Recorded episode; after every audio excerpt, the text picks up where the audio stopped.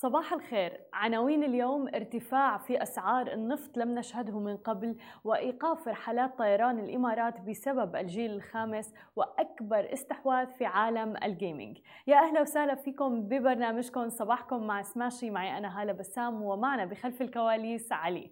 وأكيد بدنا نغطي أخبار أسعار النفط اللي ارتفعت لليوم الرابع على التوالي لتسجل أعلى مستوياتها في سبع سنوات. إذ أدى توقف خط أنابيب من العراق إلى تركيا إلى زيادة المخاوف بشأن توقعات قائمة بالفعل لشح في المعروض وسط مشكلات جيوسياسية.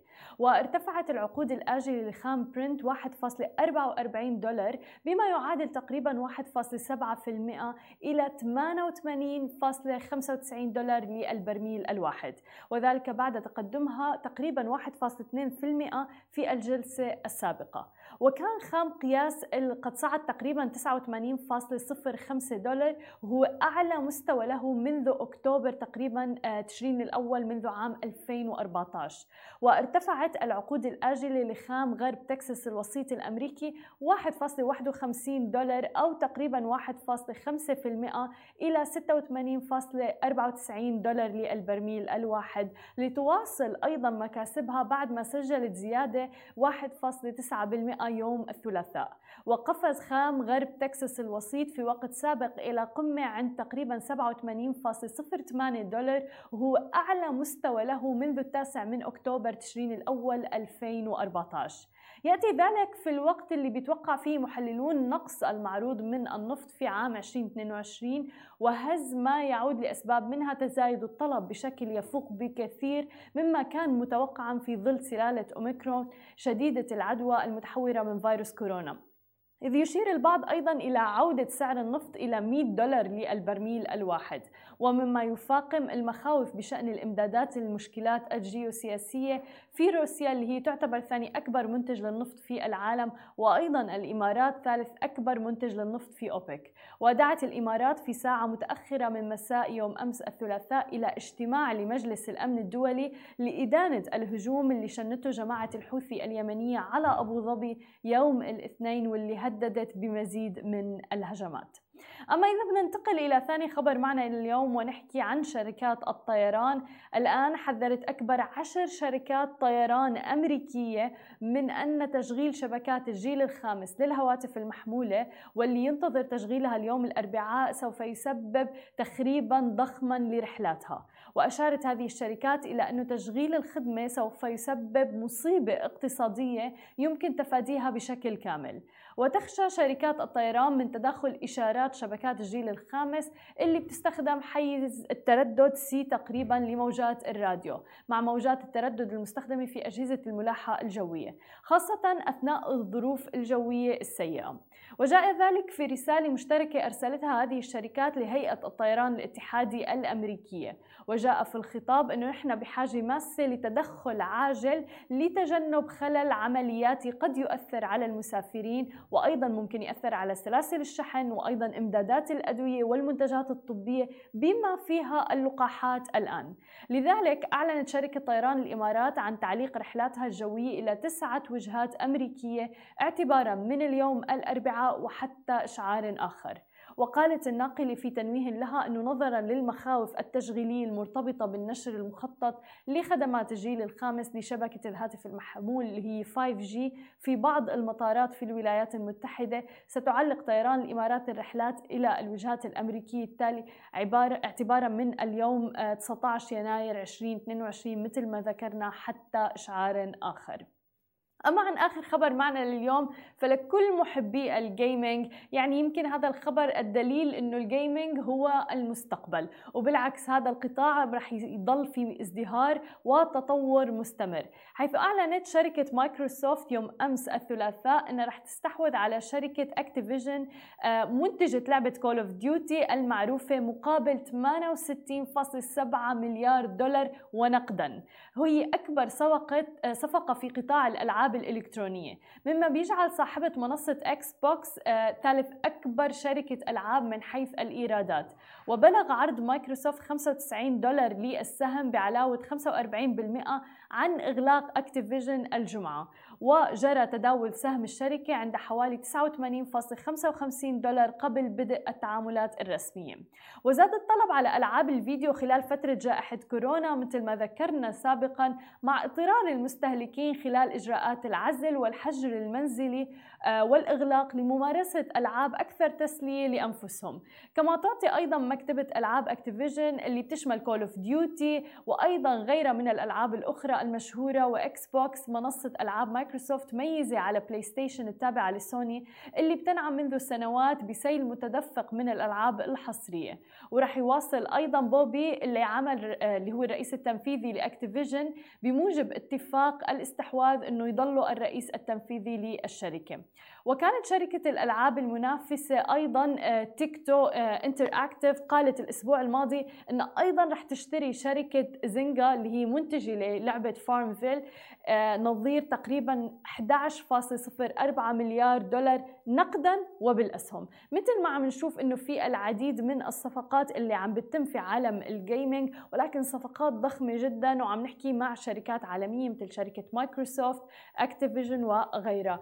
آه هذا دليل فعلا إنه عالم الجيمنج وعالم الألعاب الإلكترونية آه هو المستقبل ويمكن الآن أيضا مع وجود الميتافيرس وغيرها هذا الشيء رح يدعم هذا القطاع بشكل كبير جدا. ورح يعمل نقله نوعية في هذا القطاع هذه كانت كل أخبارنا الصباحية لليوم رح أترككم الآن مع مقابلة رائعة جدا مع الشريك المؤسس لفينيكس آي كيو حكينا فيها عن عالم المايكرو موبيليتي خليكم معنا وتابعوها ورجعنا لكم من جديد ومعنا ضيفنا آي كيو سيد سي تي أو and co-founder of Phoenix. Welcome to the show IQ. Thank you, Ala. Thank you for being with us. Thank you so much.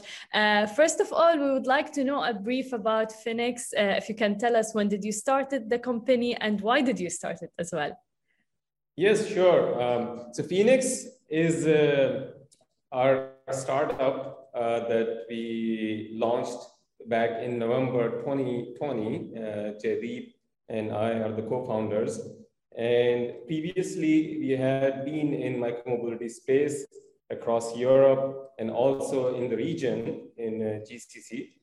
Um, this time around, we decided to take on the mission of uh, solving the alternative mobility problem and do it as a platform so that it's not just mobility, it has a broader mission of uh, unleashing urban potential and propelling communities forward. So we launched in November 2020 and COVID baby. Sorry? COVID baby. Yes, exactly. Um, it was both a challenge, an extra challenge uh, to launch it uh, right after the pandemic started, but also an opportunity because the world was moving away from uh, a bit from uh, mass transit and cars, uh, where you are in close proximity to other people. And personal mobility helps address that concern. Um, it's a safer means, the vehicles are outside in the sun, uh, but it also obviously it posed challenges too because uh, there were lockdowns. Uh, exactly. Mobility was, uh, yeah. yeah. exactly. Mobility was uh, hampered uh, overall. And obviously funding was difficult too, but we persevered with our mission. And thankfully, we have very strong supporters um, in the form of city partnerships, investor partnerships, and also the team. How important is the team, especially during such challenges and during COVID, a pandemic that people were not used to, they never thought it would come? Yeah, team is very critical. Obviously, there is the aspect of talent. You want all the folks uh, that have the backgrounds and the experience and also the tenacity yeah. to to hang in there and uh, work on some very difficult problems. And also be uh, committed to the mission. Um, but um, but also uh, be creative in solving those problems. Um, and also i guess like it helped us that we had a network from before and we had done this uh, in the region itself uh, uh, my partner and the CEO of, of Phoenix, he was basically the one that uh, brought micromobility to this region or introduced it. And we had um, in our previous company, we had quite a bit of talent uh, that uh, after, after the exit of our previous company, uh, came back and joined us. So that experience helps. A lot of the folks that are with us have been trained by us or at Phoenix because micromobility is relatively new. So for example, yeah. yeah, how to maintain, how to repair vehicles, the supply chain relationships, IoT and connectivity, uh, how to think through the platform. We are taking a very platform oriented approach uh, to micromobility. Uh, meaning that it's not just a mobility problem, it's also a payments problem. Yeah. Because because uh, not everybody has credit cards. So we want to be very inclusive in terms of payments integrations. Um, so there is that aspect uh, of it, and then connectivity itself. Uh, you know how to do it economically, how to build the vehicles in an economic way such that they're durable, long lasting. So we have awesome partnerships uh, with the manufacturers and suppliers too. How do you see the growth of micro mobility, especially in the region, like and nowadays? Yeah, so I think there are a few different aspects to it. Uh, there's the consumer side aspect. Yeah. Uh, people want alternative mobility solutions. Cars are not going to solve all the problems. Ride hailing has had relatively limited applicability or reach.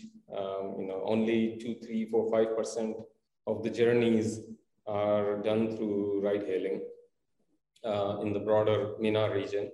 So, and, and there is mass transit and a lot of people are tackling that problem too in the private sector and public sector. Dubai and UAE has done a lot in that area. They are the thought leaders and a few other cities within the region, um, thinking through how mass transit should be done.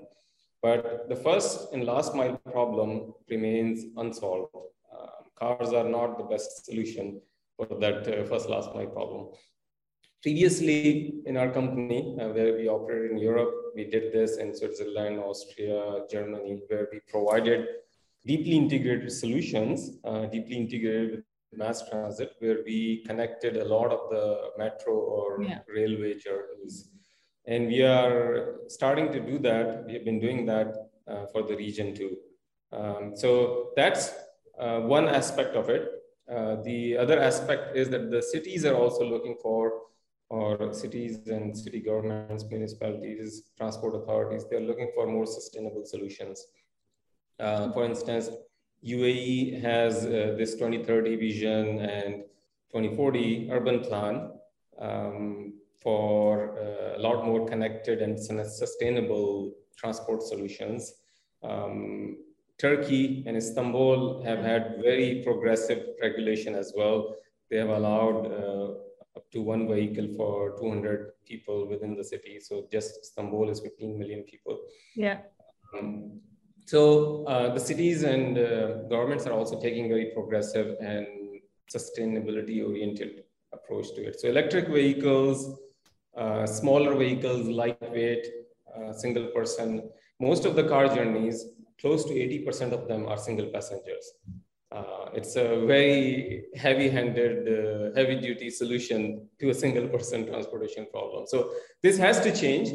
Scooters are just one of the form factors we also recently launched e-bikes and in the future we are looking to launch e-mopeds as well. So there are different form factors for different use cases. Uh, scooters are not necessarily the only solution. We look at it holistically um, as a lightweight electric vehicle oriented solution as opposed to just uh, scooters. But even scooters, like before, it used to be just a fun ride for kids, maybe, or something like that. Now we say see it, it's totally different. Like in areas like JLT and even like any area in Dubai, kind of, we're seeing people actually use it as form of transport transportation. And uh, the fact that um, using tech with it is just perfect and as you said the payment as well that makes it really good and um, like phoenix was yani recently launched so if we want to talk numbers even the e-scooters like um, you guys reached and crossed more than 1 million rides which is a huge number in 12 months right yes yes definitely i think like a quick comment about uh, fun versus functional or utilitarian application.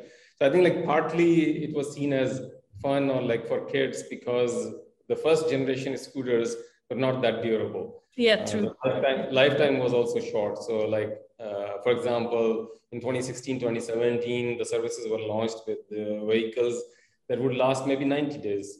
Uh, now we have very durable vehicles that have lifetime of upwards of two years or even three, four, five years. Um, they are also uh, roadworthy vehicles. So they are homologated in Europe, in Germany, for example, the lights and braking is certified by transport authorities. So it's automotive grade uh, industrial uh, product. And uh, that means that it can really be a practical solution for transport. Okay. Um, another aspect is that um, we want to provide multiple modes because there are different applications and different people have different preferences. Scooters, though, have had the fastest adoption out of all small form factors. So it has four times as fast an adoption amongst consumers as even e-bikes or bikes in general. Wow. Uh, the, the reason probably is that it's uh, relatively easier to learn to ride. Mm-hmm. It's also more suitable for folks who may be going to work or uh, folks who are wearing dresses because uh, you can just stand on the vehicle. Exactly. It's yeah. also it's also more fun. So I think like fun still continues to play a role. Uh, a lot of people who love to own and drive a car is also because of fun, not just because of uh, commute needs. 100%. And yes, we have had over half a million users take over a million rides. So we are very encouraged by that. Uh, it's not just the recreational use case, we also see quite a bit of uh, commute use case.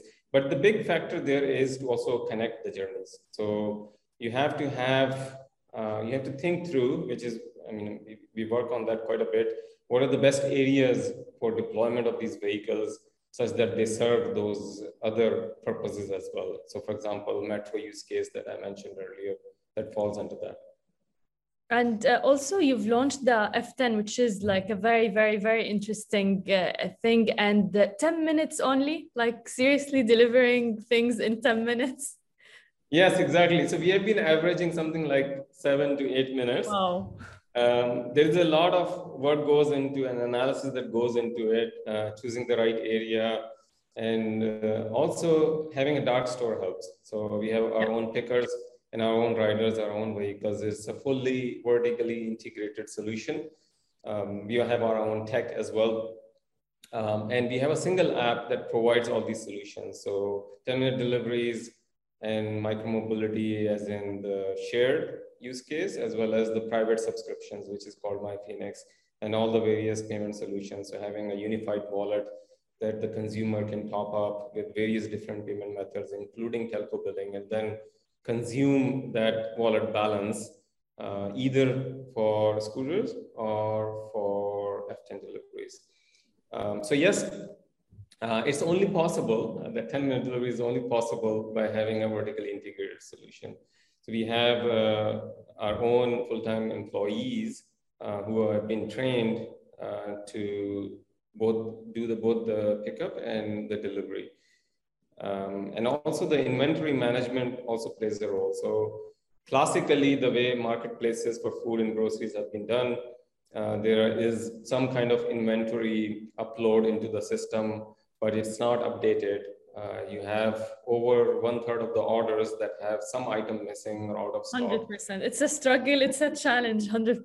Yeah, exactly. So that is the thing that you want to address. Like we have less than 1% of uh, out of stock items in our uh, orders. Uh, so we are, we are pushing the envelope there. And I think like it's about time that the experience around deliveries changes because in our region, actually our region has been a leader in terms of uh, the delivery convenience, right? So if, if you're gonna do something in that space, it better be pushing the envelope. 100%. And even the last mile delivery, like across the world, like there's a lot of competition around it. And the fact that you order something, you get it in like no time, really. Uh, before it used to take days or something like that. Now we have uh, same day delivery. And as you said, grocery, we're reaching to a point where it's like seven to 10 minutes, which is uh, an amazing concept by uh, Phoenix, which is you should all check it out. F10, uh, you can uh, download and um, get the grocery that you need in like literally 10 minutes. We've also discussed the funding, which is Phoenix started just like in 2020 and late 2020 as well, launched in five countries. Uh, can you tell us more about the funding that you guys got? Uh, any challenges you faced? Um, yeah, I think like early on, micromobility had its uh, post-COVID. They had, it had uh, some skeptics, um, but as I mentioned, we got great supporters um, in the way of funding uh, from across the region and also internationally. Um, so we have a lot of uh, institutional investors as well as uh, angel investors and advisors who are helping us uh, navigate through the challenges of mobility and overall addressing urban living challenges in the region. So we have been quite fortunate in that.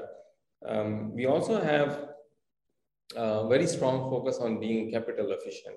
Mm-hmm. So that has also helped us uh, raise more funds. Um, we also did uh, an acquisition in Turkey. So we went into Turkey market through an acquisition. Uh, Turkey is a very specialized market. Why did you choose Turkey? Yeah. Yeah, good question. So I alluded to this earlier. Uh, Turkey has taken a very progressive approach. Um, they the government and the cities believe that micromobility is going to be a permanent part of the transportation solution overall, and that cars or mass transit doesn't address all the different modes. So uh, they have allowed, as I mentioned, one vehicle per 200 uh, residents of the city. Uh, that's part of it. So it's a it's a great market for micromobility. Um, it's um, the consumer demand also exists. And uh, also, um, the, the, the, it's a relatively dense cities as well uh, in Turkey. So um, the number of journeys that you can connect from mass transit or just within the city um, or just organically connected journeys, um, that's significantly higher too. Um, it's also a great market for talent, so we see it as a way of oh. uh, acquiring talent too. I was and, just in Istanbul like a couple of weeks ago, and I've seen so many like uh, people actually using it. So it's very, very interesting, honestly. And as you said, very dense city like Istanbul in particular. Yeah, and we also found a great team there uh, in the form of uh, Berhan and Alijan, uh, the founders of uh, Palm Technology. Um, so, and they, we had instant chemistry and they have been operating there for close to two years. They understand the local market. And we believe in solving the problem holistically. So as I mentioned, um, we want to address all the problems that can be solved in a hyper-local manner. So this includes obviously convenience solutions. So for example, uh, deliveries in 10 minutes, uh, but also mobility, local, hyper-local mobility solutions. So it's a great market to help understand those problems and solve them and then take some of those solutions to other markets too. Exactly. Uh, IQ, you're being the CTO, you're the main man kind of behind the all the tech and Phoenix in general is like very heavily tech based. Uh, are you facing any big challenges? What's the biggest challenge in the tech side, especially payment, as you said? Uh, can you tell us more about that aspect? Yes, for sure. Uh, we do quite a bit of integrations in the payments area. So we have partnered with um, telco uh, operators for allowing the users to pay through uh, carrier billing. Mm-hmm. Um, and we are also doing integrations with local wallet solutions, um, obviously credit card and debit card across the region. Uh, so we partnered with uh, Apaya, uh, which is an alternate payment gateway solution, to do a lot of these integrations. We are also looking into mass transit payment methods. So, for example, Istanbul card or NOL to be able to pay through by just tapping either on the mobile phone yep. or on the scooter, um, the the Nol card or the Istanbul card uh, through NFC or RFID integrations. Nice. Um, so this would allow for convenient ways of locking and unlocking the vehicles as well as uh, the payments. And these are non-trivial things to resolve, like fully making it seamless and frictionless, and also addressing all the intricacies of uh, tech integrations. There is a lot of innovation happening on the vehicle front too. So, for example, we are working on vision sensors, um, some of this in-house, some of this with uh, partners, in detecting the rider or riding and uh, parking compliance. So we would like the riders to be riding where they're allowed to ride, and cities and transport authorities are very much interested in this as well. Um, we, um, through our vision sensors, we can in real time detect that the rider is on the sidewalk or bike lane or on the road and whether they are parking in the designated spot or not. So GPS accuracy goes only so far. Uh, it cannot, you cannot detect, it's like sidewalks, uh, just a few centimeters left or right can make a difference. Yeah. Um, so, uh, or bike lane. So it's very important that um, for, for us and for the cities that we have our riders do the riding in a compliant manner to the local regulations. So through these vision sensors, we can detect in real time and provide audio cues to the rider. So this is something we are looking into. Another aspect is that because we believe in providing door-to-door mobility mm-hmm. as connected with mass transit and other modes of transportation, uh, if you are at home and you want to take a ride, uh, you have to find a, a vehicle nearby and walk up to it. And we try to make sure that it's not more than 50 or 100 meters from you. Wow, the convenience. Uh, We're so spoiled. Yeah. However, um, still, it's not like hailing, right? Hailing, right? So we are also looking into autonomous scooters or autonomy for scooters where uh, three-wheeled scooter, which is self-balancing, can come to you rather than you having to walk to it. And obviously, autonomy is a much simpler problem wow. for, uh, for scooters or three-wheeled scooters versus cars because it doesn't have to carry a passenger. It can go at low speed. It only needs to go around the block.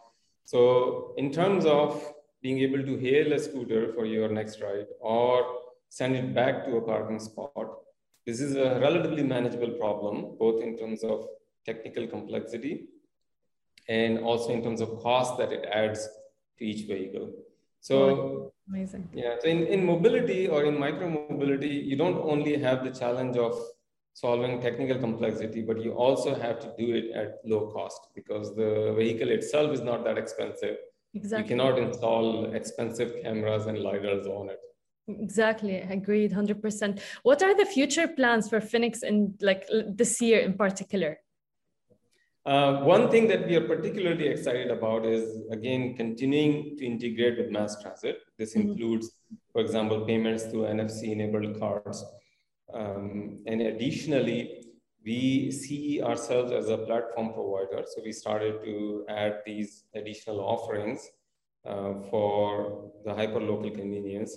So we want to continue to add to that, and we have a few new offerings that we'll be releasing soon.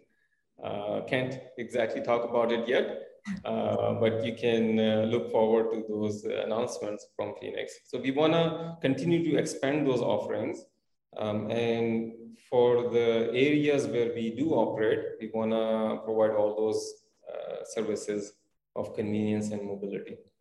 That's amazing. Thank you so much and best of luck in your journey and uh, great insights. Thank you so much for being with us.